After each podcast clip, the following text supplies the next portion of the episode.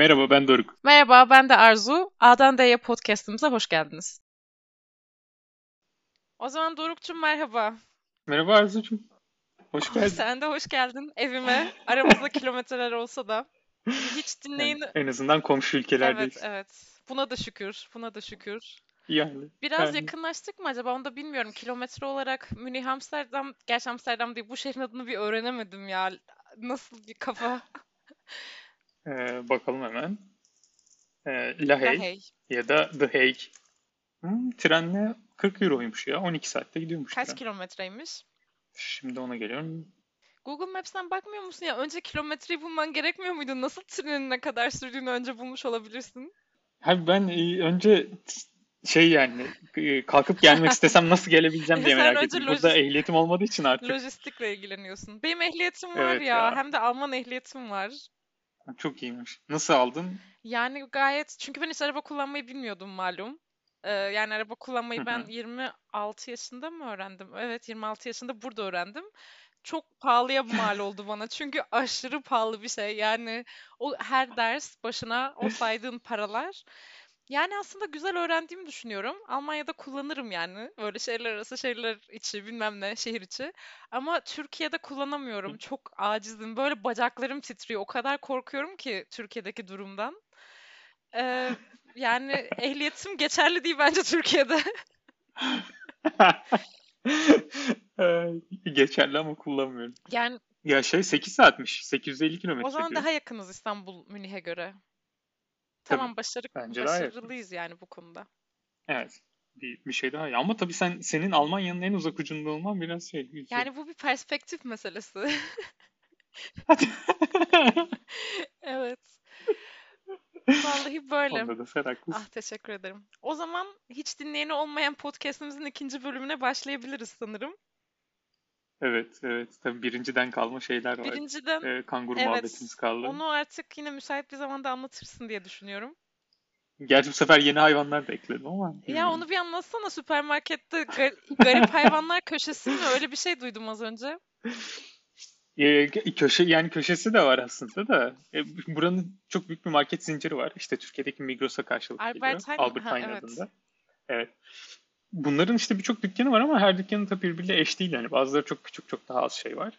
Ee, ama yani büyük şehirlerde böyle bir iki tane diyeyim, flagship Hmm. e, e, gösteri yaptıkları büyük dükkanları var. Her şeye getirdikleri. Onlarda onların et rayonunda böyle bir köşe oluyor. Böyle egzotik etler köşesi diye. Hı hı. E, genelde çok egzotik olmayan hayvanlar oluyor işte. Geyik, ördek, rengeyi falan gibi. Yani daha yab- Çok yaban olmayan hayvanlar. yani yaban hayvanı demek lazım aslında herhalde gibi mi? Yani evet. Ya evet aslında hayvanları neden egzotik diye nitelendiriyoruz o da ilginç bir şey.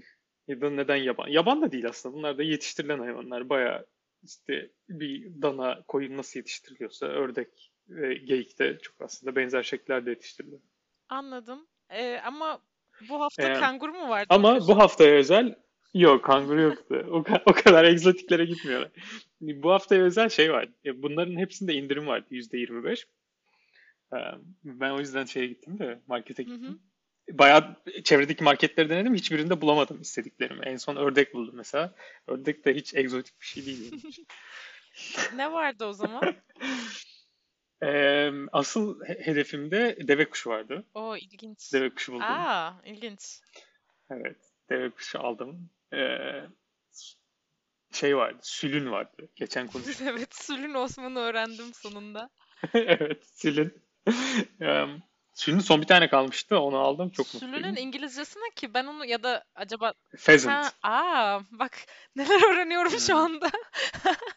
Aa, tamam evet güzel ilginç tamam. İlginç. Bunları da ya şey de ilginç buluyorum. Mesela ben e, yemek yapmayı da yemeyi de seven biriyim ve yani iyi yemek yapabildiğimi de düşünüyorum açıkçası. Çok şey olmadı. Hani e, alçak gönüllü olmadı ama hani benim böyle bir hissiyatım var. Böyle yemek kitaplarına onlara bunlara ihtiyacım olmaksızın önümde bir malzeme olduğu zaman bundan nasıl lezzetli bir şey çıkar bana bir şekilde bir hissiyat geliyor yani. Çoğunlukla da başarılı oluyorum. Hani şey oldu oluyor tabii. Aa, bunu biraz şöyle yapsaymışım daha iyi olurmuş. Hani böyle her seferinde MasterChef değilim ama Yani e, şey diyecektim. Tek başıma yaşamaya başladığımdan beri e, daha az şeyim var. E, motivasyonum var. Böyle bir of oturayım da bir yemek yapayım şimdi falan. Hep daha basit şeyler yapıp yiyorum. yani ona katılıyorum. Çoğunlukla ben de öyle yapıyorum. Ama ya biraz da evde kapalı kalmanın ve çok da başka yapacak bir şey olmamanın getirdiği bir şey Hı sanırım. hı. Ee, değişik bir şeyler yapmak istiyorum. Güzel. Ee, ya böylelikle bayağı vakit geçiyor işte. Mesela bugün ben bir haftadır deve kuşunu kovalıyorum mesela. Bir hafta böyle bunu düşünerek vakit geçiyor. E şimdi aldım bu sefer şeylere bakacağım işte. Ya deve kuşu eti nasıl Hmm. pişirilir? İşte deve kuşu yetiştiriciliği nasıl? Bu deve kuşu nereden geliyor? E, muhtemelen bir sonraki bölüme deve kuşu tarihçesi hakkında epeyce bir materyal biriktirmiş olacağım. Böyle bir tarif köşesi mi yapsak acaba? Ama tarifler senden geliyor. Yani çünkü benden gelse böyle işte onu göz kararı biraz şununla karıştır, buna ekle falan gibi olacağı için kimse yapamaz o tarifleri. Ya bu arada benim tariflerim de seninkinden çok farklı değil. Bakış açım da çok Ha. farklı değil. Tek şey sadece yeni bir malzeme olduğu için e, nasıl davranacağını bilmiyorsun. Yani dolayısıyla onu bir araştırman gerekiyor. Ya da işte kanguru etinde mesela çok, neredeyse hiç yağı olmayan bir Hı etti. hı. Yani ben hayatımda öyle bir et Hı hı. pişirmemiştim. Öyle bir eti nasıl pişirmek gerektiğini araştırmam gerekti. E, mantıken anlıyorum biraz. Mesela ördekte de şey oldu. Ben hiç mesela ördek göğsü pişirmemiştim tek başına. Hmm. Güzel. E, Ya ben bunu aslında çok güzel buluyorum. Aslında benim bugün aklımda olan konulardan birine bayağı alakalı oldu şu anda. Ee, şey düşünüyordum. Mesela son zamanlarda e, yeni bir hobi geliştirdin mi? Ya da böyle genel olarak mesela işte yani ben benim düşüncem var senin ne tür hobilerin olduğu yönünde. Ama böyle bana şey gelmeye başladı kendimle ilgili böyle kendi kendine sarma durumları oluyor ya arada kendime sardığım. Yani böyle evet çok fazla şey yapmıyorum küçüklüğümden bu yana. Ama böyle evet Arzu'nun da hobisi şudur. Arzu bun, bunu iyi yapar falan gibi bir şey sanki bir ortadan kalktı gibi böyle bir his gelmeye başladı. O yüzden böyle bir düşündüm ya benim ne tür, ne tür hobilerim vardı? Acaba bazı hobileri eleyip ve bazılarında biraz daha mı uzmanlaşsam? Beni ya mesela beni birine tarif edecek olsan nasıl tarif edersin? Yani bunu bu soruya cevap vermek zorunda değilsin şu anda ama hani diyelim ki koçtan birine yani tarif edeceksin. Arzu vardı hatırlıyor musun? Kimdi bu? Doğru. Ee, ya ben şey katılıyorum hobi konusunda özellikle bu iş başvurularında falan. Ben de yeni işe girdiğim hı. için insanlar böyle genelde birbirlerini tanıtıyorlar. Böyle bir hobi muhabbeti açılıyor. Yani birçok insanın böyle biraz sentetik duran hobileri oluyor. Ne Yani gibi? işte ya müzik dinlemek, e, müzik dinlemekten hoşlanıyor, gezmekten, yemek yapmaktan falan. Ya bunlar bir hobi değil Ee, ki. Bunlar zaten birinci seviye ihtiyaç değil mi? Hani şu piramidin adı neydi yani ya? İşte hani barınma, beslenme, bilmem ne kültür. ya evet. Ya biraz öyle. Ya hobi hobi dediğin şeyin aslında gerçekten e, başka insanlar için ilgi çekici olması için bir nevi biraz obsesyon olması gerekiyor bence. Hatta geçen onunla ilgili ilginç bir şey izledim. Bu cep hikayeleri diye bir şey var YouTube'da. Kim yapıyor hatırlamıyorum ama. Böyle şey 3-5 dakikalık genelde e, birinin hikayesini anlatıyorlar. Hı hı.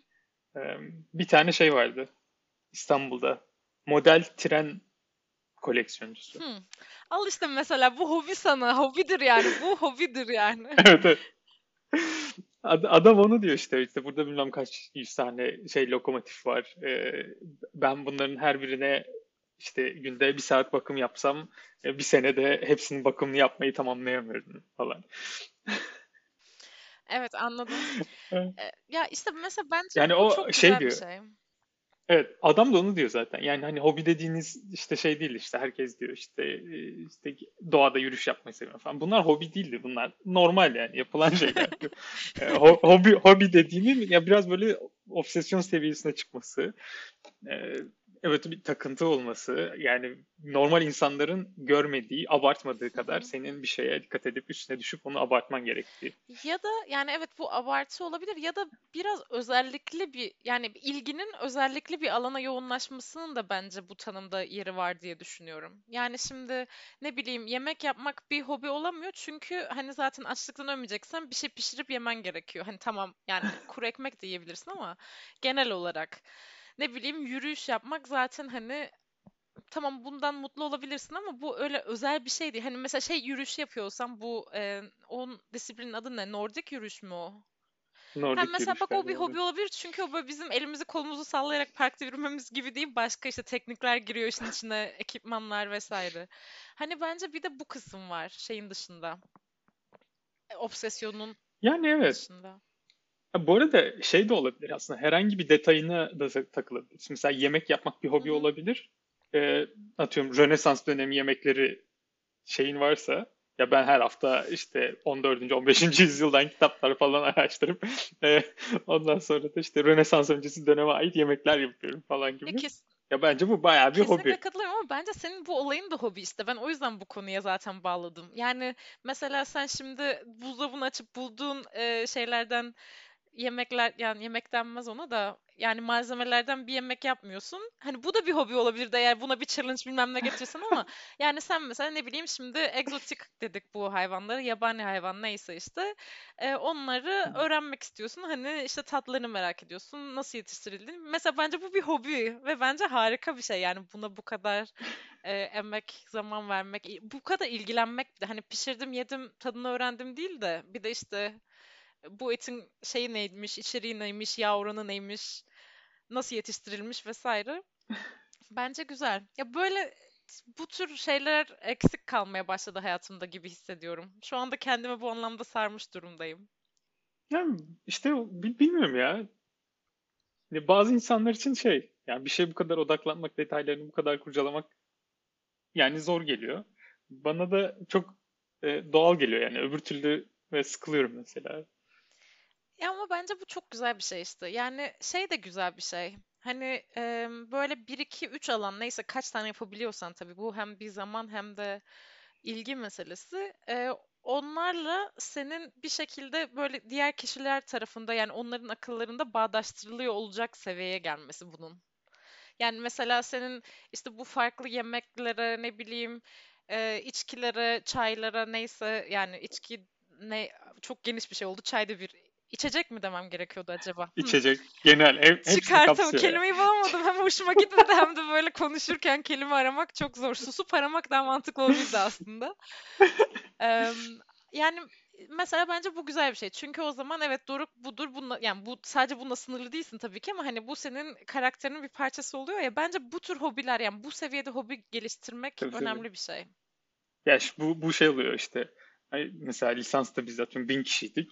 E, 20 sene sonraki muhabbette abi şu odasında 20 çeşit çay olan çocuk Heh. muydu dediğin zaman böyle şey bir identifying bir İşte tam olarak onu diyorum yani birine doğru anlatacak olsam ya ben şey kimya ile fiziği aynı anda okuyan yok muydu falan diyebilirim. Hani çünkü bu da bir hobi ya bu hobi olarak değil tabii de bu akılda kalacak bir şey olduğu için. Ama or- orada şey giriyor. e, yani e, ne, nevi şahsına münhasırlık işte giriyor. tam olarak bunu demek istiyordum galiba işte bu hani biraz da ayırt edici e, özellikle olması falan. Evet, Evet. Yani evet. çay da öyle. Şimdi biz hepimiz çay içiyoruz yani ama mesela e, başka ne tür çaylar varmış, işte bu çaylar nasıl demlenebiliyormuş bilmem ne diye bakmaya başladığın an ve bunu uzun süreye yaydığın zaman yani bununla bir hafta uğraşırsan bu yine senin karakterini tanımlayan bir şey olmuyor ya da karakter de dememek lazım belki de hani senin kişiliğinin bir parçası olmuyor. Bilmiyorum. Yani mesela benim için e, dans etmekti bu. Ya benim biraz böyle galiba Almanya'ya geldikten sonra bu hobiler hayatımdan böyle çıkmaya başladı gibi oldu. Hani o halk dansları falan ortadan kalkınca ya gerçi bu sene ben burada bunu yeniden başlatmak için şeye gittim. Çok acayip bir şekilde burada e, Bavyera kulüpleri var. Yani böyle yani bilmiyorum şey gibi düşünebilirsin aslında. Ne bileyim Türkiye'de yok mudur? İşte Erzincanlılar Dayanışma Derneği falan gibi bir şey. Yani tek e, Erzincanlı Dayanışma Derneği'ne Erzincan'da gittiğini düşün. Çünkü bu Bavyera'da hani bu dernek olduğu için hani Bavyera Kültür hı. Derneği diyebiliriz. Yani bunlardan bir sürü var. Ya Tamam. ben çünkü bu Bavyera halk danslarını öğrenmeyi kafama koymuştum. Ama şu ana kadar hiç fırsatım olmamıştı. Sonra bir kafayı gözü yardım gittim bir gün. Biraz korkarak gittim yani çünkü bana diyebilirler ki hani sen kimsin? Hani sen birincisi Alman değilsin. Bavyeralı'ya da hiç benzemiyorsun. Hani sen bir de konuştuklarını da anlamıyorum. Öyle bir durum da var. Yani Neden? Çok mu aksanlı? evet yani onlar kendi aralarında konuşunca zaten e, sadece saydığı sayıyı anlayabiliyorum. Yani o dans dansı anlatıyor ya. Allah'tan figürü gösteriyor hoca var. görebiliyorum yani. Bir de saydığı sayıları anlayabiliyorum. O aradaki konuşmaları hiç anlayamıyorum sıfır.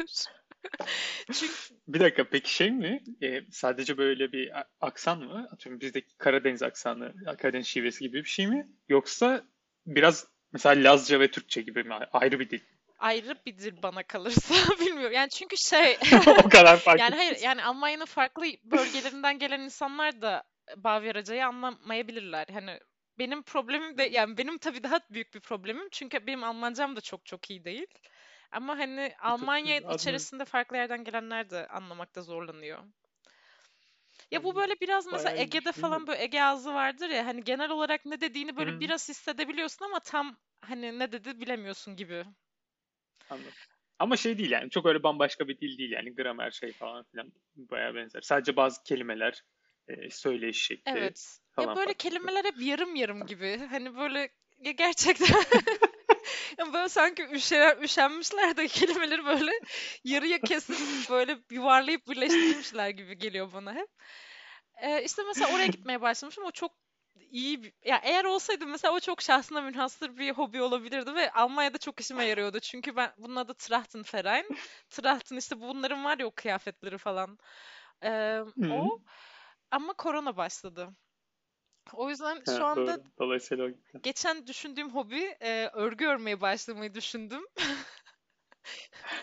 Artık bilmiyorum bu acaba sağlık durumunda bir sorun mu var? Endişelenmeli miyiz?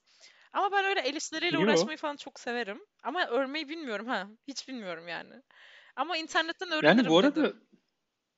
evet bilmiyorum ben bayağı duyuyorum ya. Bizim iş yerinden bir kız başlamıştı. Hatta o direkt büyük başlamış. Battaniye örmeye başlamış. Bu korona uzun sürecek ben bayağı evde kalacağım diye. Yani ben de böyle ilk başta işte kazak falan örerim diye düşündüm. Sonra kazak örmek zor olabilir. Böyle bir eldivenle bir işte şapkayla falan mı başlayayım falan. Dün yeni bir hobi girişimim bu oldu. Bakalım. Yakın zamanda o yüzden güzel bir hobi buldun mu? Belki e, daha mantıklı bir hobi Ben bulabilirim. Yani çok şey var ya. Birçok şeyle vakit geçiririm işte. Mesela şey yapıyorum. e, internetten avcılık yapıyorum. O ne ya? Ya e, işte şey e, eski şarap, e, viski falan avlıyorum. Yani eski değerlidense eski. Yani mesela işte atıyorum Johnny Walker tamam? Standart. Bugün markette her yerde bulup alabileceğin bir viski. Ama 80'lerdeki şişesini, 80'lerde şişelenmiş halini Şişe dolu herhalde, değil mi? Dolu dolu. Evet. Çünkü yani Boş şişe değil canım. ya ben bu arada öyle boş şişe falan eski şeylere de bayılıyorum. Yani öyle bir şey toplasam onu da yapabilirdim ama o evim için hiç mantıklı olmaz. Evim çok küçük. Kalem. Evet kalem. O kalemi geçen hafta konuştuk kalem. ama o bir podcast'imizin 5. saatinde miydi bilmiyorum ama yok galiba. O yüzden giremedi şeyimize. Buna da ayrıca döneriz. Evet kalem. Dolma kalem. Şiddetle tavsiye ederim. O, o eskileri de ayrı güzel oluyor. Oradan sonra şey alıyorsun mesela. Hatta onlara da baktım ama şimdi bulaşmadım. Ee, vintage dolma kalem e, şey nasıl denir? Ee, bakım onarım kiti. Ha bir de tamiri bilmem nesi falan işlerine gireceksin. Evet. Evet. Bu da ilginç bir şeymiş. Ama şu avcılık meselesini biraz da anlat bakalım. Ya avcılık işte şey bu hmm, ikinci el antika vintage ürünler satan şeyler var. Mesela eBay de aslında eskiden öyleydi. Şimdi birazcık daha fonksiyon değiştirdi ya. E, Katawiki diye bir site var mesela. Her şey mi var yoksa bu böyle e, az önce konuştuğumuz içecekler İki, falan mı? iki, ikinci el e, her şey var aslında. İkinci el e, düzenli auctionlar Hı var. E, Bayağı kate- kategorik aslında. hı. E, mesela e, kalemler, do- dolma kalem şeyi. Onları da tematik auctionlar Hı. yapıyorlar. A- açık arttırma. E, mesela işte şey İtalyan dolma kalemleri açık Hı arttırması hı. diye. O böyle bir bir hafta şey oluyor, e, sürüyor. On, mesela bir sonraki gün başlayan atıyorum işte Montblanc kalemler açık arttırması Hı var. hı. Böyle tema tema girip inceleyebiliyorsun. O temaları da kategorize etmişler Hı işte. hı. E, aksesuarlar, şey ürünler, işte içecekler, e, sanat ürünleri, araba. Yani ikinci el arabadan e, işte şey fosiller. Ha ilginç. Öyle bir şey sararsan. Bayağı fosiller falan var. Şey var, e, antika mücevherler var. Yani antika dediğim şey böyle eski Mısır, Roma'dan falan kalma. Ben onların alınıp satılabileceğini dahi bilmiyordum. Evet ilginçmiş. Ama istersen milattan önce 2. yüzyıldan kalma yüzük alabiliyorsun. Bu yasal mı ya? Bundan emin miyiz? Yasalmış ya. Sadece şeylerde biraz sıkıntı var. Ee, avlanması kısıtlanmış hayvanlarda. Mesela kaplumbağa kabuğu, Hı. işte hmm, fil dişi falan filan gibi. Onlarda da e, şeyle izin var. E, belli bir seneden önce ise sanırım bu yasaların yapıldığı tarihten önce yapılmışsa Hı. e, onların alım satımında bir sıkıntı yok. Hatta bazılarında yazıyor işte mesela bu ürünü Avrupa içinde satmanız, tekrar satmanız yasaktır diye. Ha, ilginç. Bayağı ilginç. Anladım. Sen bu tabii fil dişi bilmem ne falan almıyorsun herhalde. Sen e, başka şeylere yoğunlaşmış durumdasın. Umarım, umarım Yani yani çok bir şey azından. almıyorum açıkçası. Ya bir tane işte şey e, bir viski aldım. İşte Japon viskilerini ben bayağı eskiden Dün seviyordum. E, fotoğrafını merak ediyordum da. paylaştın mı? Hmm, Hmm. oydu. Evet. İşte o ya iki hafta falan oldu neredeyse herhalde. Hı hı. Ara ara, ara şey yapıyorum. O mesela şey şimdi Japon viskileri çok popüler oldu. E, Artık şey erişilmez hale geldiler. Ya hatta e, yani 7-8 sene önce işte ben ilk içtiğim bir Japon viskisiydi. Çok beğenmiştim. Amerika'da bayağı arayıp Hı almıştım. hı. E, o zaman bile biraz pahalıydı böyle 150 dolar falan civarıydı. Ya tabii açtık içtik falan. O çok iyiydi. Çok mutluyuz. Ama gel gör ki bugün almaya kalksan işte 1200 dolar falan. O bir yatırım aracıymış aslında. Tabii tabii artık öyle. Artık bayağı yatırım ya aracı yani. Şey insanlar şeyleri alıp yatırım yapıyorlar. İlginç. Yani, dolayısıyla bunlar artık benim erişimimden çok çıktığı için e, ben de viskinin daha değişik şeylerini irdeliyorum, inceliyorum. Onlar da şey e, eskiden yapılmış Hı hı. Ya temel farklardan bir tanesi şey oluyor mesela özellikle 60'lardaki falan viskilerde e, karakter olarak çok daha yoğun ve ağır oluyorlar.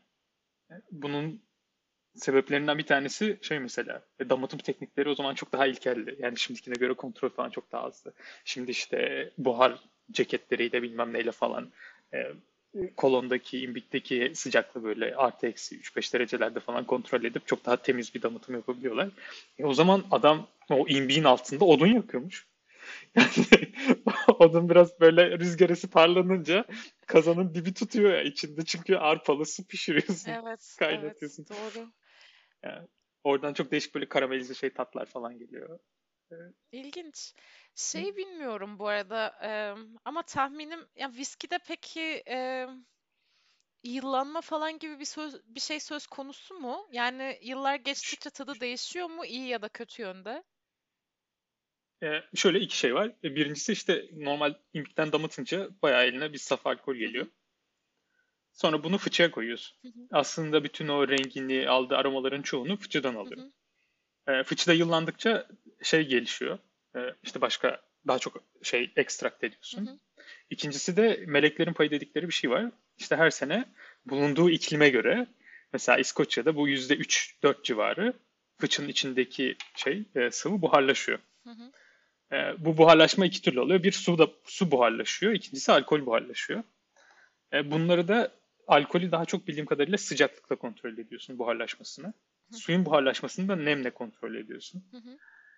E, e, ondan sonra ama şişeledikten sonra aslında şişede herhangi bir gelişim bir şey göstermiyor. Tek şey e, oradaki problem oksijen. E, bir şekilde mesela mantar e, özellikle yüksek alkolü pek dayanabilecek bir şey değil. Mantar çürüyor. Hava almaya başladığı zaman e, içeri oksijen giriyor ve okside oluyor. Dolayısıyla aromaların bir kısmını kaybediyorsun. O istenen bir şey değil. E, onun dışında viskideki yıllanmada şey bir şey yok. Ya bir de şey buharlaşma da olabiliyor tabii. Evet, anladım. Hani gene sıcaktaysa şeyse falan kaçıyor. O da çok istenen bir şey değil. E, bir de şey e, fo- e, ne, foto degradasyon. E, Bunlar senin işlerin Doruk. Işı, ışık ışık altında bozulma. evet, ışınsal diyecektim ben. Yani mesela işte adam vitrine koyduysa onu, o, o şişe 20 sene güneşte beklediyse çok aslında anlamlı bir şey değil. hı hı. Bu bana bir hikaye hatırlattı. Şimdi bunu bu hikayeyi bana sen de anlatmış olabilirsin ama şimdi tam da doğruluğunu bu kısımları keseriz olmazsa dinleyicilerimiz kusura ba- bakmasın. Şey e, böyle bir e, deniz altında yani batan bir gemi batıktan işte bilmem kaç yüzyıl önce Evet, kalma biraları buluyorlar. şampanyalar. Şampanya mı bira mı? Hmm. Sonra galiba hatta Ee, hatırlamıyorum. deniyorlar tadına bakılıyor falan gibi bir şey. Evet. Sen anlatma o zaman bana bu hikayeyi. Ben anlattım canım. Şampanya. Bu şey İsveç sanırım ya. İsveç'te bir limandan çıkarken hemen batıyor gemi. Hı hı. 1900'lerin başından kalma şampanyalar. E, Kasa kasa. Ve şey ya mükemmeller. E, Bozul Hiç hiç mi neredeyse bozulmamış? bozulmamışlar. Ya çünkü Oksijen e, bir kere diye. oksijen yok. E, İkincisi e, Soğuk. bayağı soğuk da. Evet. Dolayısıyla ışık da yok. Doğru. Aslında bozulmasına sebep olabilecek hiçbir şey yok neredeyse. Mantar da tabii hiç kaçırmamış. Dışarıdan nemli, içeriden nemli. Evet hem o bir de bence basınç seviyesi de hani destekliyor herhalde. Yani çünkü mantarın Ha doğru doğru. Denizin bayağı altındasın aslında. Oradan mantar içeri de basıyor şey. evet. İlginç. Değişik şeyler. Hatta ya bunu hatırlıyorum. Böyle bir şey bulsan tadına bakar mıydın diye konuşmuştuk sanırım bu hikaye. Ama bu hikaye Evet. konuşalı biz üzerinden çok yıl geçti. Bayağı zaman oldu. Ya muhtemelen lisanstaydık işte. Evet. Böyle bir şey bulsan 8 içerdin herhalde plus. buradan anladığım kadarıyla. Hiç hiç şey yapmam ya. Zaten bütün Hiç bütün acımam. amacım değişik şeyler değişik şeyler bulup onları içmek, Evet. tatmak ya da. Ya şimdi mesela bu aralar şey sen geçen bunu konuşmuş muyduk ya? Ee, kryo konsantrasyon. Yok. Soğukla konsantre edin. Soğukla konsantre edilmiş e, yani şaraplar, biralar hepsi. Bu elma elma şarabı mıydı? O, Elma o evet. mesele Evet. böyle mi yapılıyordu? Nasıl o hikaye? O sizin Ya aslında işte Almanya'da da Ice Wine yapıyorlar ya. bilmiyorum ki bak. Bildiğim bir şey değil. Ha, Ice, Ice Wine'ı en çok aslında Almanya yapıyordu. Geleneksel olarak en çok yapıldığı yerlerden biriydi. Şimdi çok moda olunca başka yerler de yapmaya başladı. Ee, oradaki fikir şey, e, üzümü kesmiyorsun. Hı hı, Asmada bırakıyorsun. Kışın soğuyor. hı hı. Ee, böyle sıcaklıklar özellikle gece eksi 10'un falan altına düştüğü zaman donuk, kısmen donuk üzümleri hasat Hı ediyorsun. hı.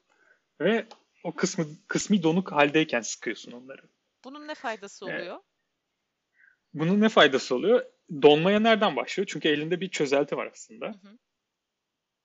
Donma olabildiğince saf sudan başlıyor. Ya Mesela evde buzlukta buz yaparken de aynı şey oluyor. Bakarsan dış kenarları bayağı şeffaftır, ortası şey Hı e, böyle garip ve mattır. Yani orada dışarıda işte oldukça saf su donuyor. E, o donuyor donuyor. Ortada çok aslında yoğun ve içinde işte bir sürü şeker, asit, mineral olan e, donma noktası çok daha düşük bir sıvı kalıyor. Hı hı. E, onu sıkıyorsun aslında orada o donuk üzümü sıktığın zaman. Yani bu mantığı anlayabiliyorum ama o sıkma prosesinde e, o hani saf su önce donuyor ya. O sıktığın Hı. şeyi oradan nasıl uzaklaştırıyorsun ki? Çünkü bunların hepsi sonuçta aynı Ama soğuk işte. Bütün bütün bütün sıktığın sistem de soğuk. Dolayısıyla çok fazla erimiyor aslında o buz. İlginçmiş. O yüzden daha e, yani lezzeti güçlü falan şaraplar mı çıkıyor yoksa nasıl bir faydası oluyor bunun Ya şöyle düşün işte.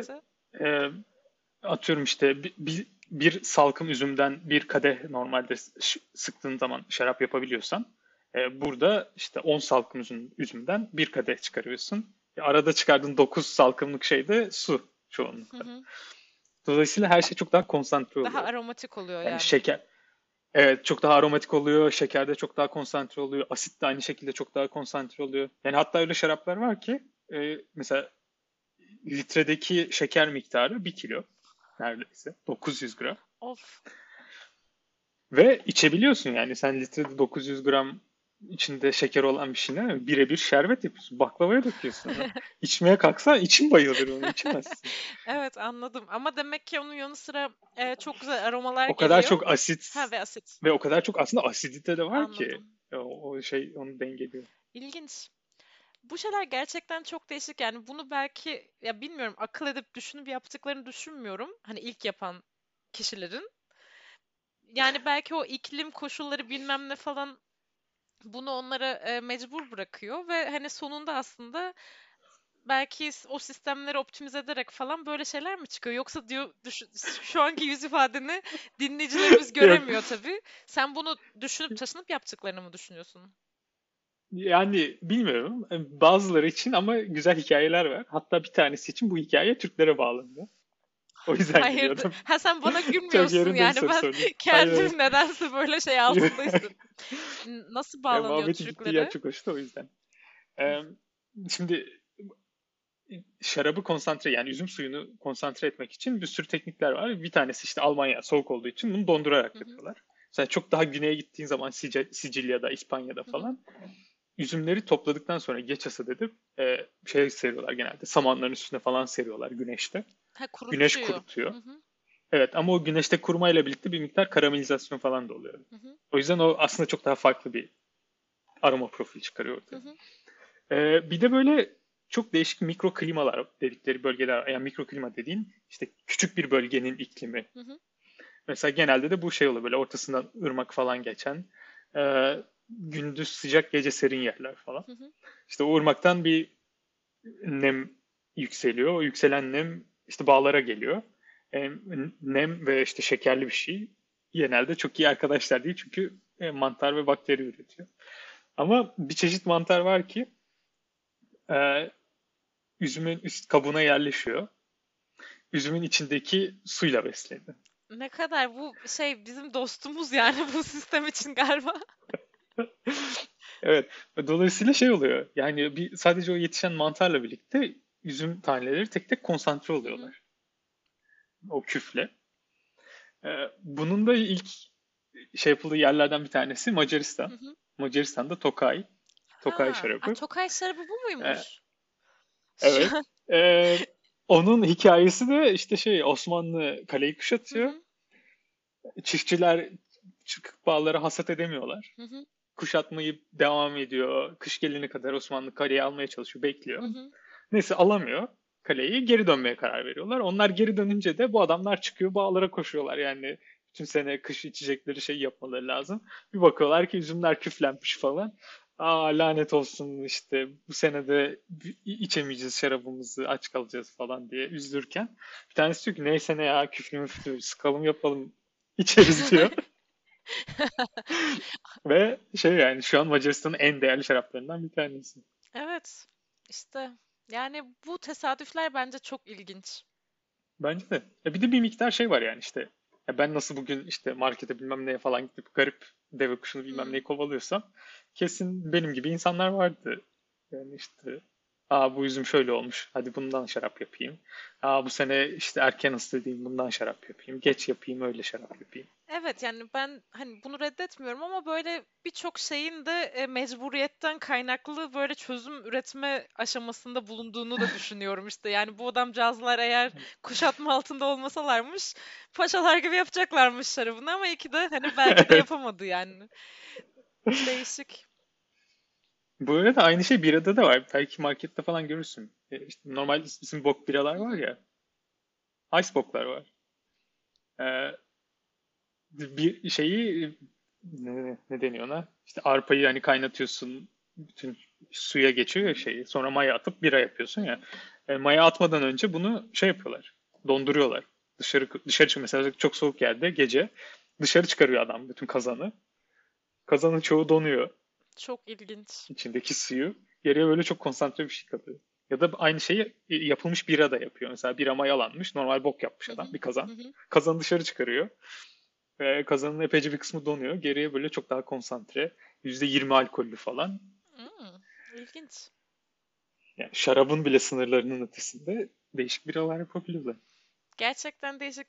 Bunu geçen gün e, buradaki başka bir arkadaşımla konuşuyordum. Ee, şey yani sen tanıyorsun zaten Onur'la. Ee, çünkü hmm. işte ya biz böyle bu korona morona derken aylardır görüşmemiştik. Sonunda bir görüştük evde böyle. Ee, iki hane halkı olarak şu anda kanunlarımızın izin verdiği şekilde. Ee, onlar böyle bir şey var e, burada varmış daha doğrusu bir servis. Yani burada şimdi Münih'te bira zaten 6 tane büyük şey var. Bira markası mı üreticisi var ve yani onlar artık Hı. böyle hani var yani.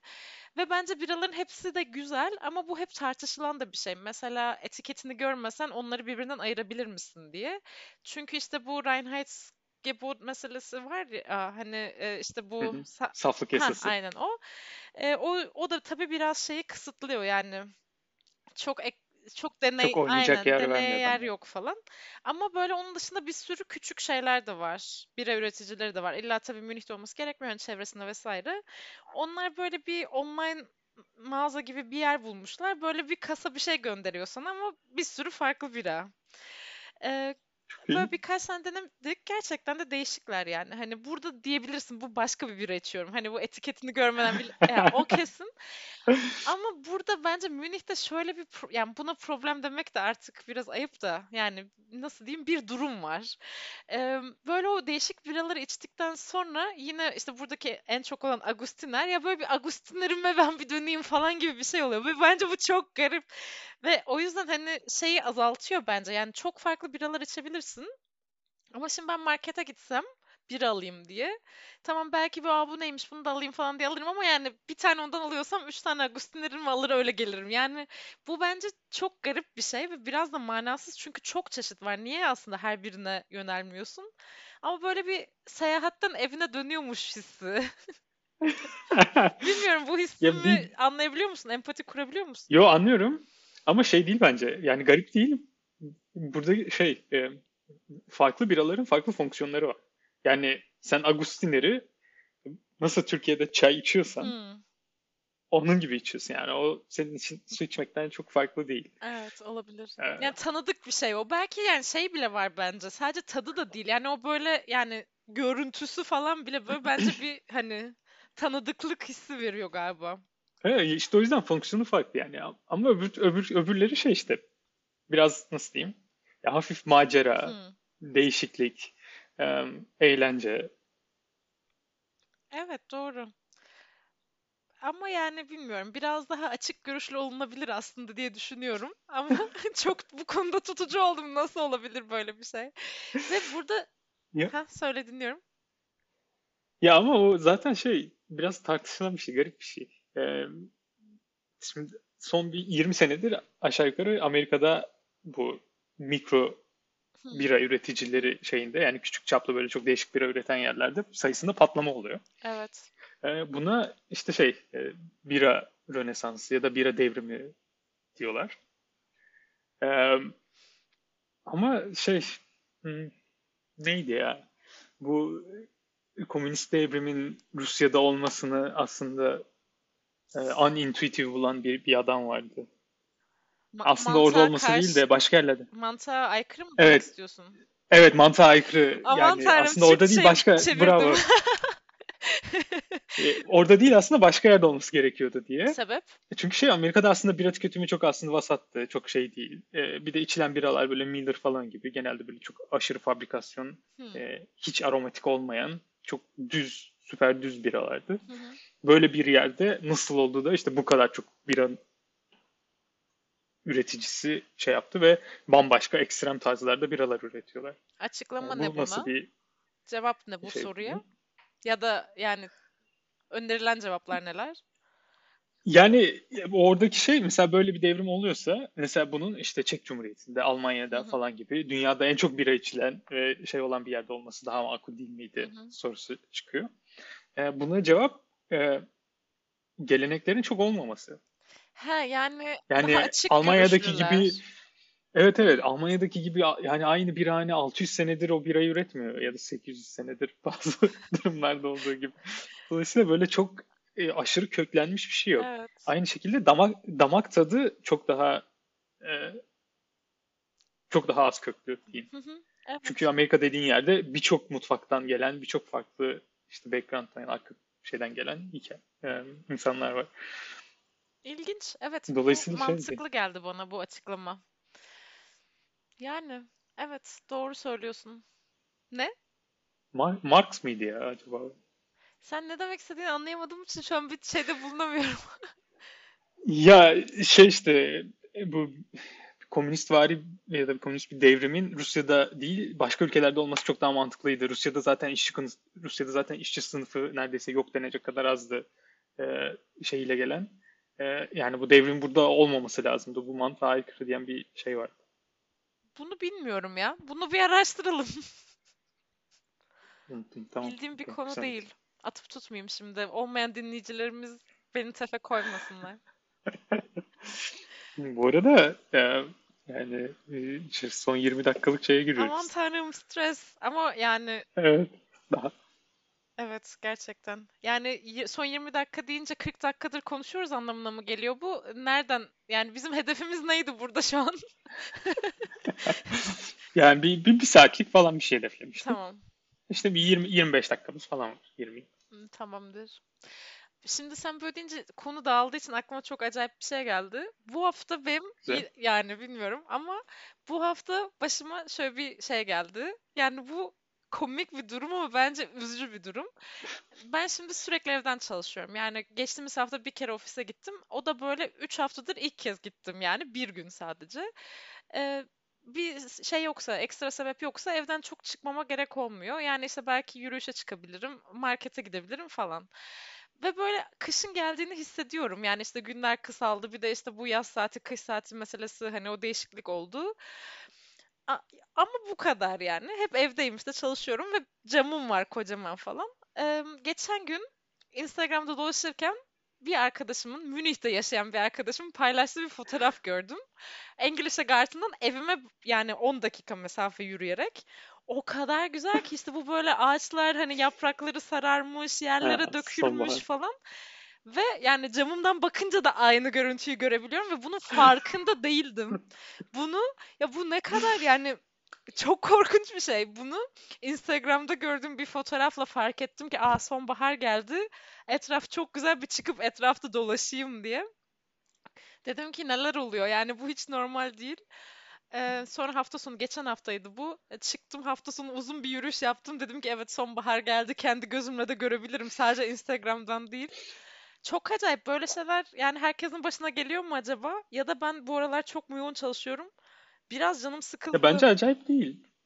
Ya biraz da şey adiyabatik değişiklikler fark etmesi çok daha zor. Yani adiyabatik dediğim e, nasıl diyeyim e, küçük küçük aşama aşama işte her aşamada da genelde geri dönülebilir Evet. olan değişiklikleri sen böyle çok uzun bir sürede fark etmiyorsun. Ya ben de aynı ki şekilde de fark etmiyorum böyle sürekli bakıyorsun ya da şey birlikte yaşadığın bir insanın işte kilo alıp verdiğini mesela çok kolay fark edemiyorsun çünkü şey evet. e, her aşamada görüyorsun. Ya da Evet. bir işte bebeğin büyüdüğünü de mesela o kadar iyi sen fark edemiyorsun.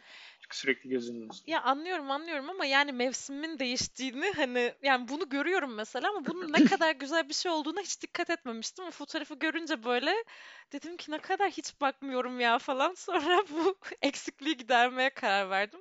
Ama bu e, fark edişin mesela sokağa çıktığım bir gün daha ne kadar güzel olmuş burası demeyip bir telefon ekranından olması canımı çok sıktı. Geçen hafta konuşmuştuk ya bu sosyal medya falan filan. Evet. Biraz oradan o bağlantı geldi aklıma. Yani ya bilmiyorum ki ama bence şey var. Yani genelde günlük hayatta yaşarken e, birçok şeyi fark etmiyoruz. Ama işte öyle olmaması gerek Nereye demeye çalışıyorum zaten. Hani niye böyle diye şimdi oturup köşemde ağlayacak halim yok ama hani biraz daha böyle aslında e, farkındalık gere- şey geliştirmek gerekiyormuş gibime geldi. Hoşuma gitmedi yani bu başıma gelen olay. Bilmiyorum. Yani bence bu soruyu aslında en ilginç cevabı bir antropolog falan verebilir. Yani neden acaba insanlar etraflarında olan işte birçok şeyin farkına varmıyor? Ya da bir psikolog belki de. Yani o, o da olabilir. Ama şey genelde böyle hani evrimsel bir açıklaması oluyor ya o beni daha çok cezbediyor. Ama mesela diğer o fotoğrafı paylaşan arkadaşım sokakta çıkmış, bakmış aa ne kadar güzel demiş, fotoğrafını çekmiş, paylaşmış. Yani bu böyle türümüze ait, evrimde kaybolmuş bir farkındalık değil yani. Ama mesela sen çıksaydın aynı şekilde sen o gün orada yürüyüş yapıyor olsaydın hmm, sen görseydin sen de belki fotoğrafını çekecektin sen paylaşacaktın bu sefer aynısı onun için olacak. Evet, belki de. Yani ama işte şey fark ettim. Yani özellikle şu anda daha evdeyim ve böyle e, sürekli bilgisayarımın başında böyle çalışan bir insanım. Yani bu hoş değil. Bu biraz daha etrafa bakıyor olmak lazım diye düşündüm. Bu haftaki Ya mesajım bu. mesela ben- geçen hafta ben kuzenimle e, buluştuk işte o da burada yaşıyor. Aha. Yani o mesela ne kadar 3 sene falan oldu galiba 3 seneyi de geçti bayağı da burada yaşıyor. Yani onun en büyük şikay- şikayeti işte şey e, işte burada hiç güzel çerez yok. Türkiye'ye gelince sürekli ona çere- çerez alıyoruz. Ne zaman gelse o keyifle çerez yiyor. Çok güzel çerezler, çok güzel çerezler. Çerez ne yani Ama yani böyle çekirdek, fındık ya fıstık falan mı? fındık, badem, ceviz aslında normal, çok aslında standart şeyler. E, E, doğru, buradaki marketten aldığın çerezler gerçekten çok kötü. Ya gerçekten çok kötü. Öyle böyle değil. Türk marketi yok mu Ama oralarda ya? Bizim buradakiler kötü değil. Bu arada o da bir çözüm. Yani onu denemedim henüz. Ama benim denediğim şey e, sadece çerez satan bir sürü dükkan var. Yani adam e, çerez kavuruyor. Yani periyodik olarak çerez kavuruyor. Mesela Amsterdam'da yaşarken benim bir tane dükkanım vardı. Adam her gün kavuruyor. Hmm. Yani şey demek istiyorsun, o kafasında öyle kodladığı için yani çerez Türkiye'den gelir, Evet. bakmamış bile hani gibi. Evet ya adam 3 senedir yaşıyor. Ben geçen hafta onu işte şehirde biraz yürüyüş yaptık falan. Ben götürdüm. Ya burada da bak böyle çerezci var. İşte ben geçen burayı denedim. İşte çok kaliteli değil ama taze kavuruyorlar. Hani taze kavrulmuş alırsan güzel oluyor falan diye. Bir anda aa işte çok iyiymiş ya. Ben de işte 3 senedir hiç çerez yemiyorum. Ay çok tatlı. Ya evet bu doğru ama böyle bir şey zaten hani burnun ucundakini çok görememe ya da onun tadını çok çıkaramama meselesi var ya. Mesela yani senin için nasıl bilmiyorum ama e, ya da nasıldı? İstanbul'da yaşayan birçok insan mesela İstanbul'u turist olarak gezenlerden daha az biliyor. Mesela ömrünü İstanbul'da Tabii. geçirmiştir ama yani birçok tarihi yeri, birçok işte güzel köşeyi bilmem neyi bilmeyen çok insan var. Tabii canım ben şeyde şoke olmuştum. Ee, e, ne zamandı? İşte lisansın son sınıfındaydı falan. Ben Ezgi'nin adalara hiç gitmediğini öğrendiğimde şoke olmuştum. Yani doğma büyüme İstanbullu bir insan nasıl olur da adalara gitmez. Ben bir Ankaralı olarak, Ankara'da yaşayan bir insan olarak ya her sene bir kere falan geliyorduk İstanbul'a neredeyse. Kesinlikle adaya giderdik. O şimdi bir Öyle yani o işte biraz çünkü şey oluyor bence. Hani hep elinin altında ya. Hani haftaya giderim, işte önümüzdeki ay giderim, seneye giderim falan derken hani biraz öyle bir şey de var galiba. kesinlikle katılıyorum. Mesela benim İstanbul'da görmediğim ve yaklaşık işte herhalde 15 senedir aklımda olan müze Sad Berkan'ın müzesi. Saat Berkan'ın müzesine ben de gitmemiş olabilirim. Nerede, Saat Berkan'ın müzesinin nerede olduğunu da bilemedim şu anda. Sarıyer'de. Sarıyer'de mi? Rezalet. Ne sergileniyor ki acaba o müzede cahil? Ya vallahi Bildiğim olmaya... kadarıyla şey Heh. e, gene Koç Ya ailesinin bana da öyle geldi şeyindeki de şeyi bilmiyorum. Hani sanat mı, tarih mi? Karışık sanırım ya. Sanırım karışık. Yani şu anda olmayan dinleyicilerimiz de sanırım bizi terk edecekler. Yani hayatımızın dört senesini Sarıyer'de geçirip tenezzül etmemek oluyor. Ama işte bu ilgisizlikten de değil yani. Bu gerçekten bence şey geliyor insana hani yakında elinin altında ya zaten yaparım kafası. Evet. Kesinlikle katılıyorum. Ama kesinlikle katılıyorum. İşte o yüzden farkındalık gerekiyor bence. Hani bir plan Yani bir de bir de çok adaptif de olmak gerekiyor. Ne gibi yani? Yani mesela şeyi düşünüyordum.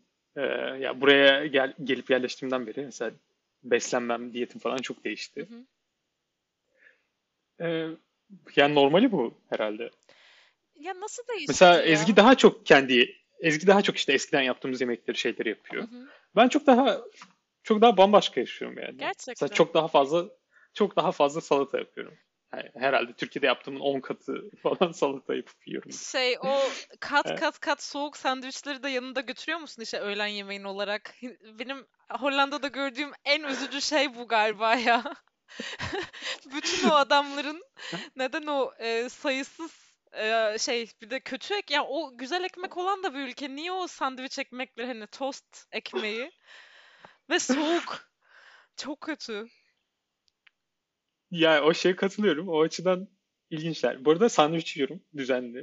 Yani haftada herhalde 4 kere falan rahat sandviç yiyorum. Öğlen yemeğinde mi? Evet. Genelde öğlen Hı yemeğinde. hı. Ee, ama tabii daha bence bir Hollandalı'ya göre bayağı daha renkli ve çeşitli yiyorum. Ona eminim. Mesela ekmek olarak e, şey yiyorum. Bir çavdar ekmeği var. Hı hı. Buranın, burada kuzeyde Friskland diye bir bölge var. Frisklerin yaşadığı yer. En kuzeyi sanırım şey böyle biraz Danimarka'ya, Almanya'nın kuzeyine Hı hı. doğru olan tarafta yaşıyorlar.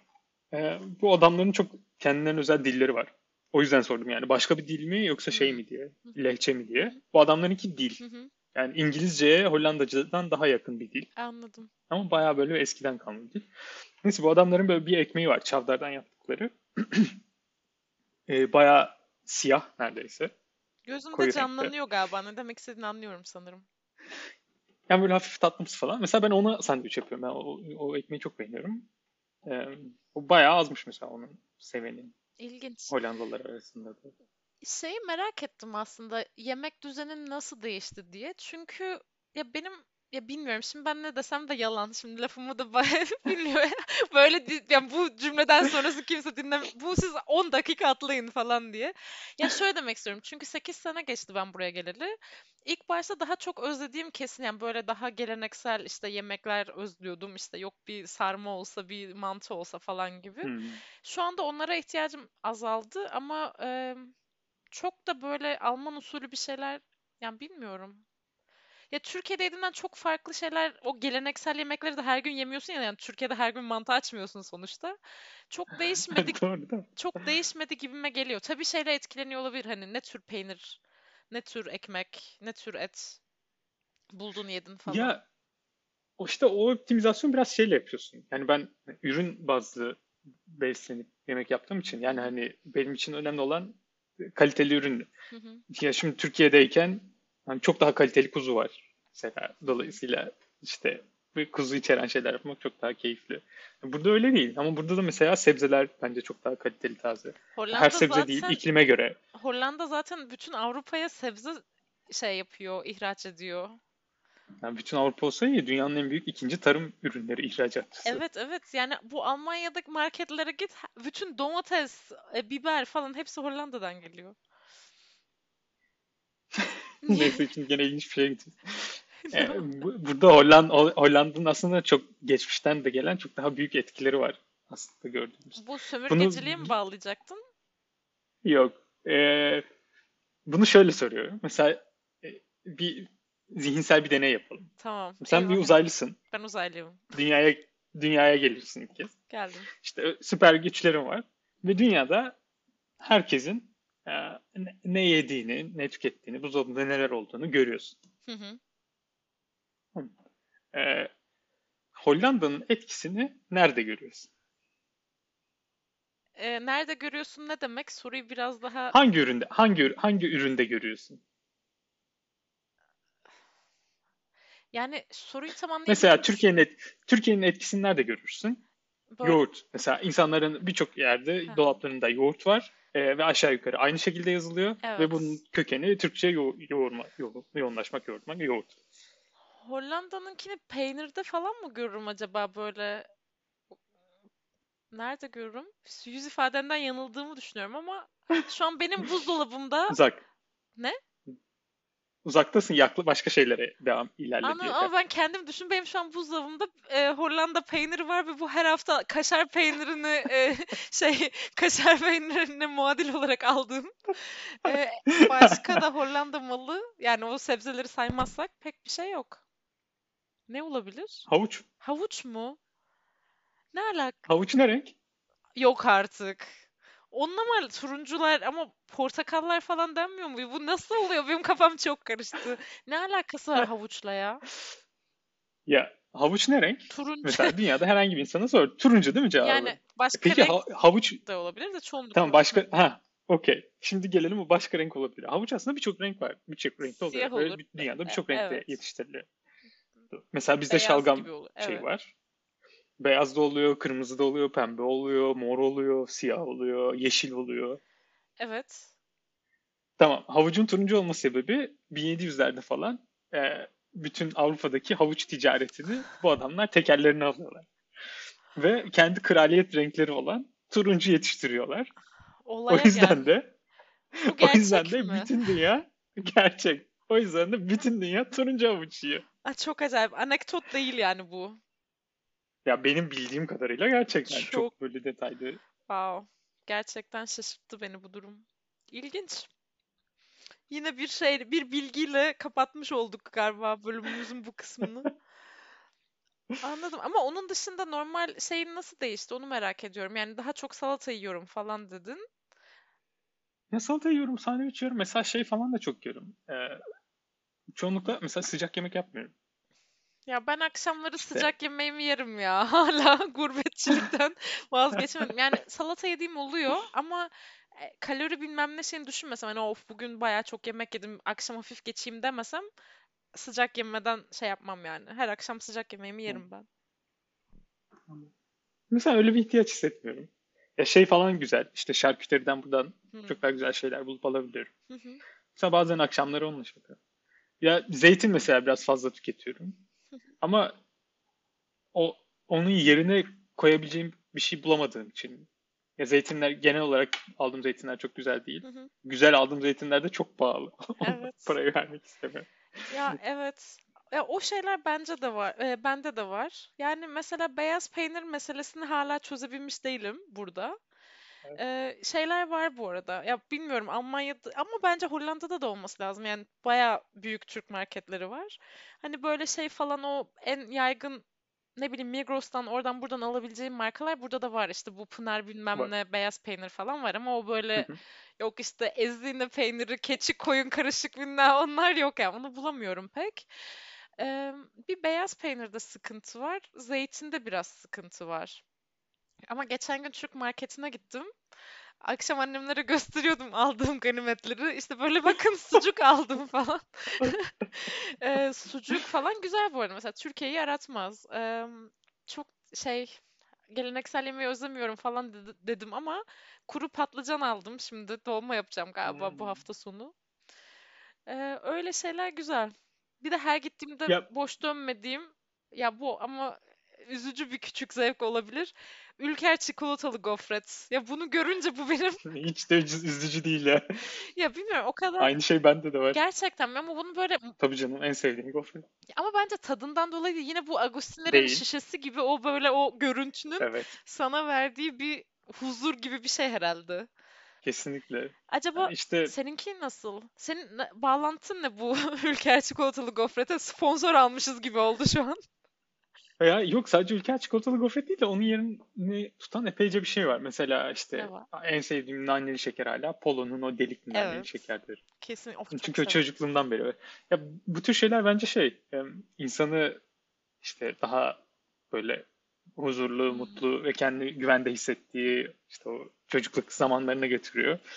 Bence o yüzden çekiciliği var. Evet evet kesinlikle ya benim için şöyleydi. Ya bu sağlıklı bir seçim miydi bilmiyorum ama yani hiç de şişman falan da olmadım hayatım boyunca herhalde oradan yırttım. Çünkü annem hani beslenme çantası götürme olayı vardı ya okula. İşte ilkokulda, ortaokulda da vardı galiba da ilkokulda kesin vardı. Ee, şey o beslenme çantasının böyle bir sandviç falan gibi ana yemek kısmı oluyordu. Bir de çikolatalı gofret, bir de şeftali suyu. Mesela ben çok kötü bir combo çünkü yani şeker bombası resmen. Ee, ve ben o şeyi hala o kadar severim ki e, o gofretle şeftali suyu içmeyi. Çok garip bir tat yani hiç yani bu bence anlaşılı, anlatılabilir ya da anlaşılabilir bir şey değil. Ama çok sevdiğim bir şey. Hep o Ben zamanlar de geliyor ben çok keyif aklıma. alıyorum. Yani Bu arada sadece ülker çikolatalı gofret değil. Mesela çokonat da benim için aynı derecede keyifli. ben çokonat ikinci İkincisine kıstım. tercihimdir. Çokonat ikinci tercihim. Ee, o Ha, çikolatalı gofret. Peki ş- şu başka? an konuyu toptan dağıtıyorum. Aslında soracağım başka sorular da vardı ama vaktimiz de yetmiyor. Şey, bir şu an süpermarkete gittin. Öyle gurme falan bir yer değil. Çikolata Hı hı. reyonundan bir çikolata alacak olsan tercihin ne? Hemen göstereyim. Az önce aldım. Ah, Aa çok güzel. Evet, evet. Ama e, dinleyicilerimiz için de söylemen lazım ne olduğunu. Söyleyelim evet. E, Lint'in ince çikolatalarından kırmızı biberli olan. Evet. Bir de bunun deniz tuzlusu var. O da çok güzel bence. O da mı var elimizin altında? Tam kendisi değil ama Evet. bence bu da güzel. Onu bilmiyorum. Karamelli deniz tuzlu. Onu bilmiyorum. Bir de e, geçen gün e, böyle limon kabuklu gibi bir tane vardı. Onu da beğendim. Çok böyle ferah Hmm. ferah bir tadı vardı. Ama yine bunlar rafine oluyor. Biraz daha rafine çikolatalar. Mesela benim aklıma ilk gelen böyle bir şey de Kinder Bueno falan gibi. Hani Ya ben onları Kinder Bueno seviyorum. şeyini kaçırdım ya. O Çok bana severim. sonradan geldi. Öyle Türkiye'de öyle bir markeze girdiğim zaman şeyi alıyorum. Ülker Napolitan. O hangisi ya? Şey e, şöyle minik minik ambalajlı her biri şey gibi. E, şöyle uzun bir kutunun içinde itiyorsun. Aa kırmızı kırmızı değil mi bu? Evet Kırmızı kırmızı o. evet. Ama evet. o böyle çok o bana mesela benim hayatımda önemli bir yer şey yapmıyor.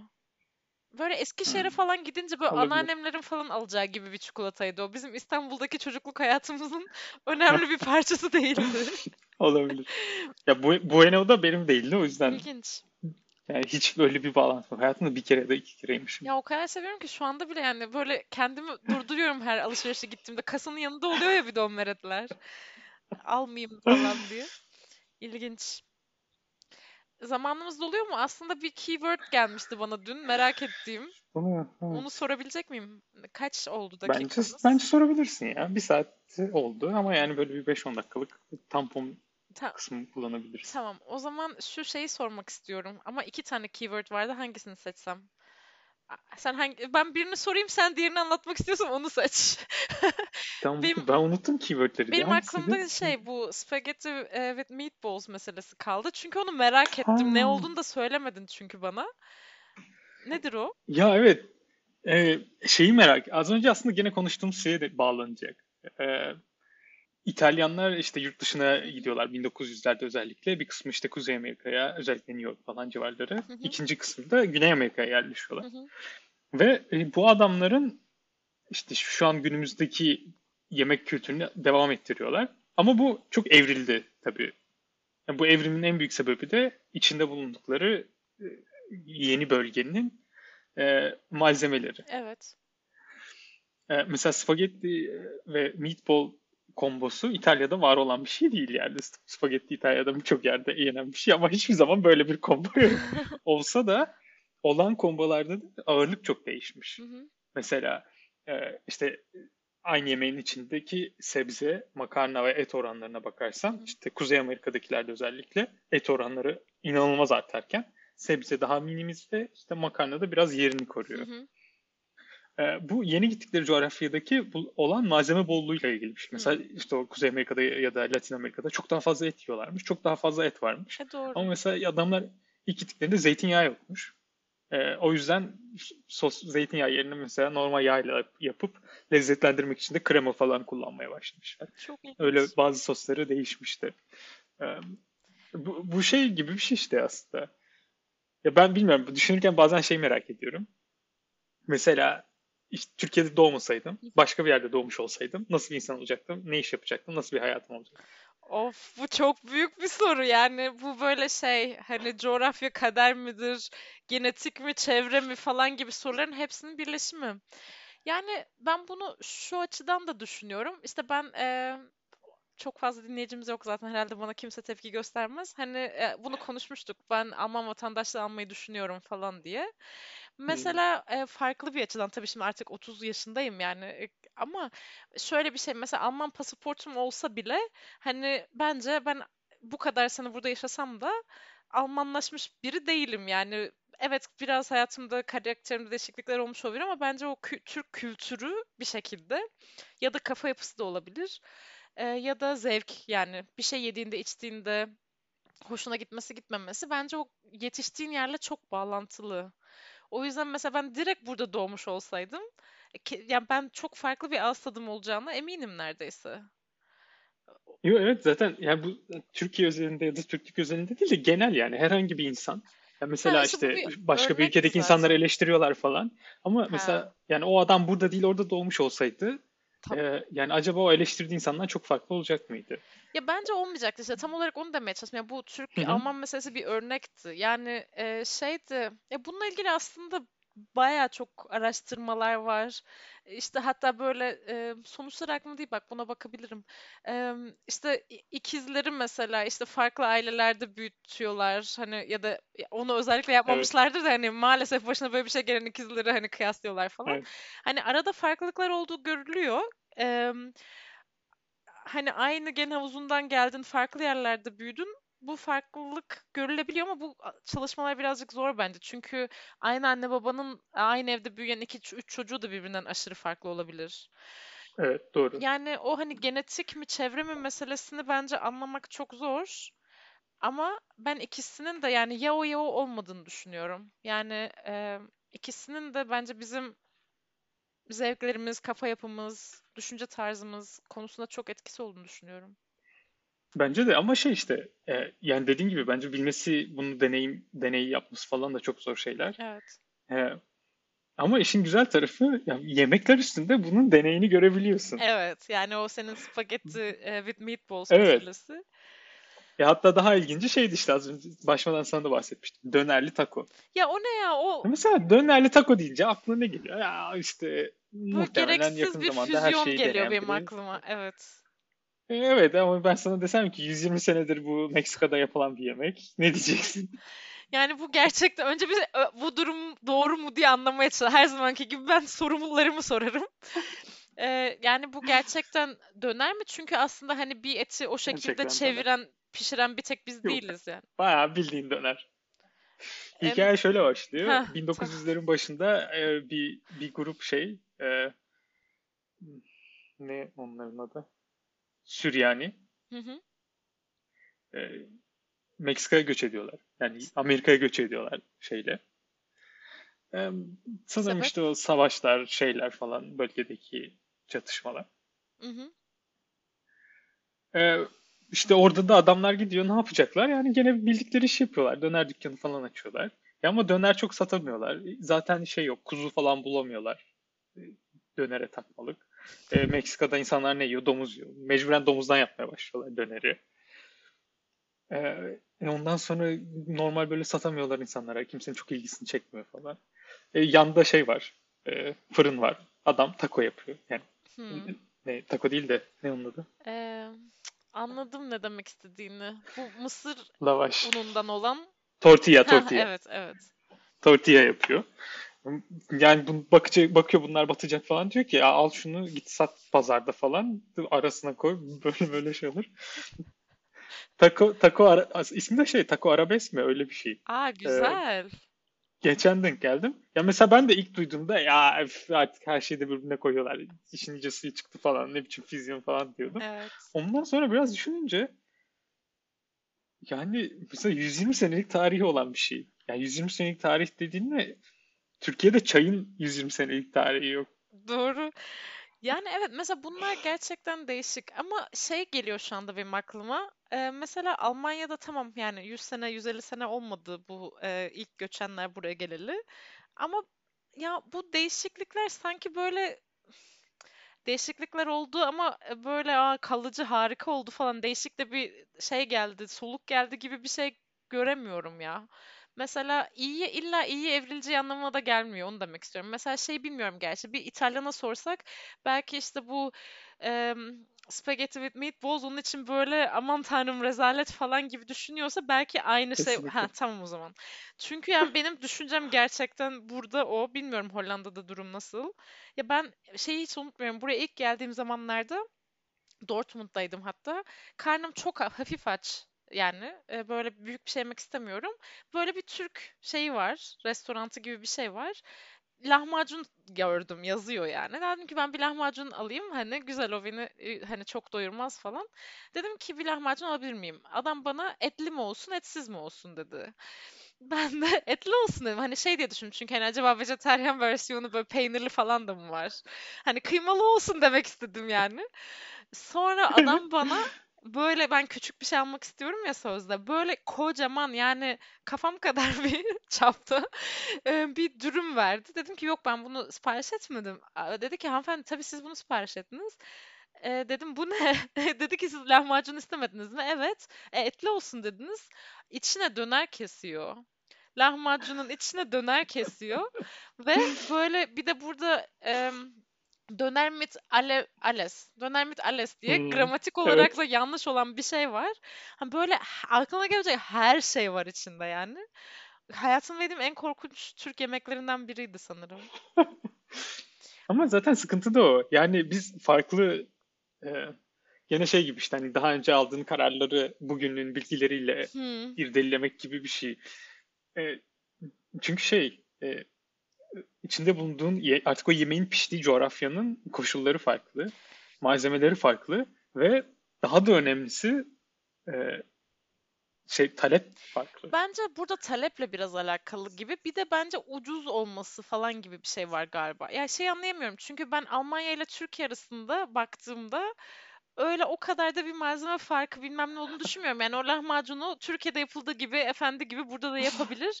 Belki yapacak ustası yok olabilir hani öyle bir know-how eksikliği olabilir. Yani ama belki etin kalitesi şey ya da Ha işte kuyruk yağı bulamıyor falan gibi. gibi. Yani ya da bence bir de öyle bir şey var ki bu hani kocaman bir yemek ya bu işte içinde her şey olan. Mesela bizim Türkiye'deki gibi bir dürümü burada satmaya kalksan ertesi gün batarsın. Çünkü kimse gidip o senin cılız dürümünü yemez yani. Ama bir taraftan da işte şey malzemelerin hangisinin bol olduğu ile ilgili. Mesela et daha ucuz, daha bol. Dolayısıyla her şey Olabilir. çok daha... Türkiye'de et pahalı, daha az. O yüzden şey farklı. Evet bana birisi Hı. şey anlatıyordu. Ee, bu dürümün buradaki Almanya'daki dürümün aslında sağlıklı bir yemek olduğunu çünkü içinde çok fazla salata olduğunu. Ben bayağı fit ya harika. Ya çok acayip. Bir de e, artık bilmiyorum iyice zaman meselesini e, şeyi de tartışabiliriz bir gün. Acaba senin bu konudaki fikrin ne ki? E, döne, şey dönerin Almanya'da icat edildiği iddiası konusundaki fikrin nedir? Yani onunla katılmıyorum ama bence şey de yanlış. Almanya'daki döneri Türkiye'deki dönerle karşılaştırıp yani birinin öbürüne daha iyi ya da kötü olduğunu söylemek de yanlış. Ya bence e, şey bana biraz saçma geliyor. Hani onun burada icat, Berlin'de icat edilmiş olması.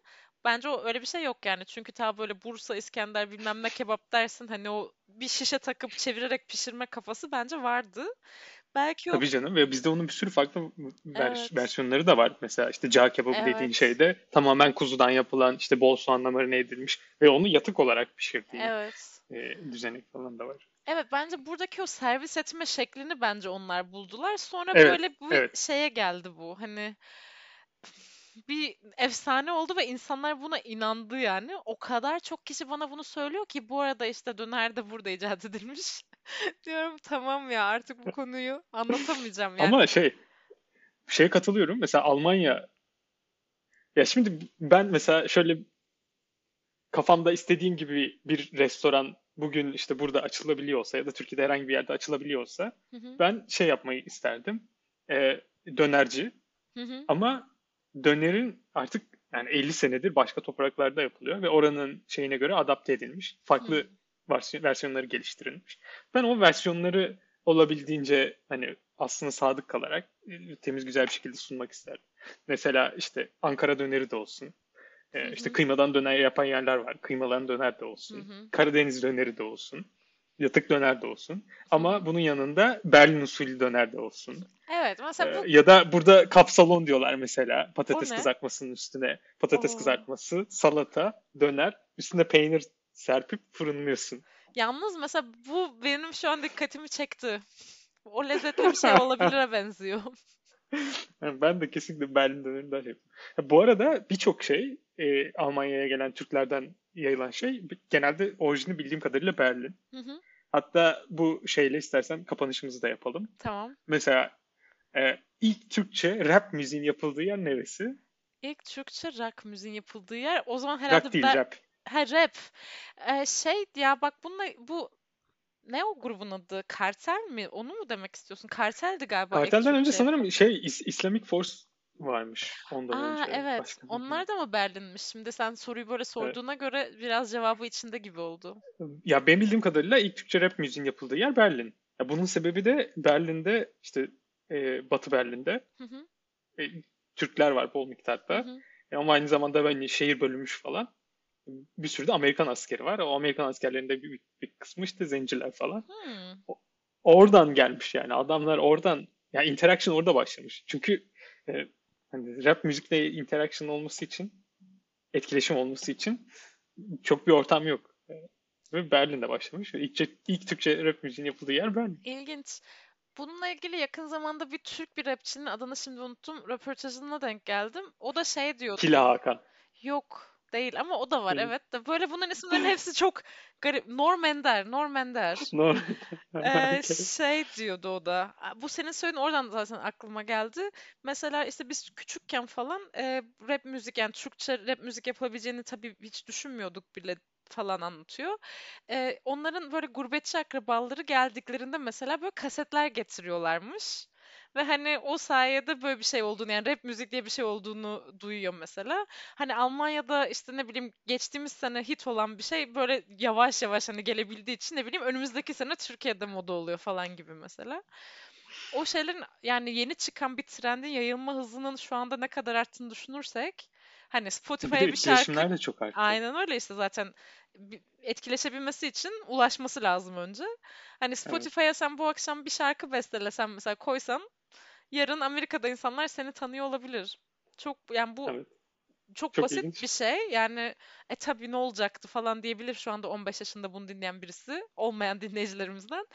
Em, ama bu aslında düşününce çılgın bir şey yani. Herkesin birbirine son derece bağlı olması. Ya evet hem çılgın bir şey hem de çok da yeni bir şey. Evet. İnsanlık tarihini düşündüğün zaman sadece son yani en fazla 20-30 senesinde var. 30 Evet. sene bile değil. Ya ve bu aslında bizi aşırı değiştiren bir şey. Yani ben şeyi Kesinlikle. bilemiyorum ya nasıl hani düşün ki telefonun olduğu zamandan alalım mesela. Hani ki telefonun olmadığını mektup düşünmüyorum artık. İşte mesela telefon edeceksin. E, Şu günde şu saatte konuşacaksın, kısa konuşacaksın, kapatacaksın. İşte babam anlatıyor onun Almanya'da yaşadığı sürede mesela Türkiye'de telefonun her evde olmadığı telefon yazdırma diye bir şey varmış. Bu üç gün sonra bağlanıyor falan. Yani mesela bu sabır nereden geliyor ya? Ben mesela şu an birini arasam, ay sizin başınıza yakınlarda hatta gelmiş böyle. Yani birini arasam ulaşamasam uzun bir süre ya ben burada öldüler mi kaldılar mı diye böyle yani deliririm demeyeyim de merak ederim yani. Niye? Panik olursun yani. Evet. Ee, yani bizim şeyimiz de ayarımız da çok değişti o yüzden. Yani şimdi bana biri mesaj Evet. atacak mesela ben iki gün cevap vermeyeceğim. Ya böyle ne oldu küstük mü falan der ya da başıma bir şey geldi sanır. Evet. Kesinlikle. Yani teknoloji bizi değiştiriyor. Çok acayip bir şekilde. Ya evet. Ve şey yani birincisi geri, geri dönülemez çok galiba. İkincisi daha önce pek böyle bir şeyle karşı karşıya kalmadığımız için tam olarak ne yapacağımızı bilmiyoruz. Ya da etkilerinin nasıl olacağını bilmiyoruz. Evet. Yani benim gördüğüm şey bence sabır meselesi eee, yok yani. Artık birçok şeye bence sabrımız yok. Bir şey tıkladığında açılmadığında falan böyle insanın siniri bozuyor. Mesela bu hiç normal bir şey değil aslında. Katılıyorum. Yani telefonun çekmediğinde böyle sanki elin kolun böyle tutmuyor gibi falan oluyorsun ve hani şu an bu yaptığımız konuşma ya evet herkesin farkında olduğu şey. Yani fizik, kimya bilmem ne okumuş insanlar. "Aa, Siz bunları mı buldunuz? Hani bir tek size mi malum olduğu gibi şeyler değil yani bence insanların aslında biraz düşünmesi gereken şeyler oluyor. Çünkü hani bizim bunu böyle normal saydığımız durum aslında bizi değiştiriyor çok ciddi anlamda. Ee, bence bu, bu konu bayağı güzel. Hatta bu şey sana onu göndereyim onu izle. Cep hikayelerinde model trenci amcayı. Ve Evet. bu, bu, bu değindiğimiz şeyler üzerine bence şey e, böyle çok güzel özetleyen e, Tamamdır. bence iyi bir gözlem var. Tamamdır. İstersen burada kapatalım yavaştan. Evet şu an süremiz yine doldu ve kanguru hikayeni yine anlatamadın. Gene kanguru hikayesi artık bir sonraki O zaman bölüme bir kaldı. sonraki bölüme bıraktık yine. Bize ayrılan sürenin sonuna geldik. Evet, kangurular kusura bakmasın. Onları da ayıracağımız zaman umarım önümüzdeki hafta tekrar oluşacak. O zaman bizi dinlediğiniz için teşekkür ederiz. Evet, hoşça kalın. Görüşmek üzere.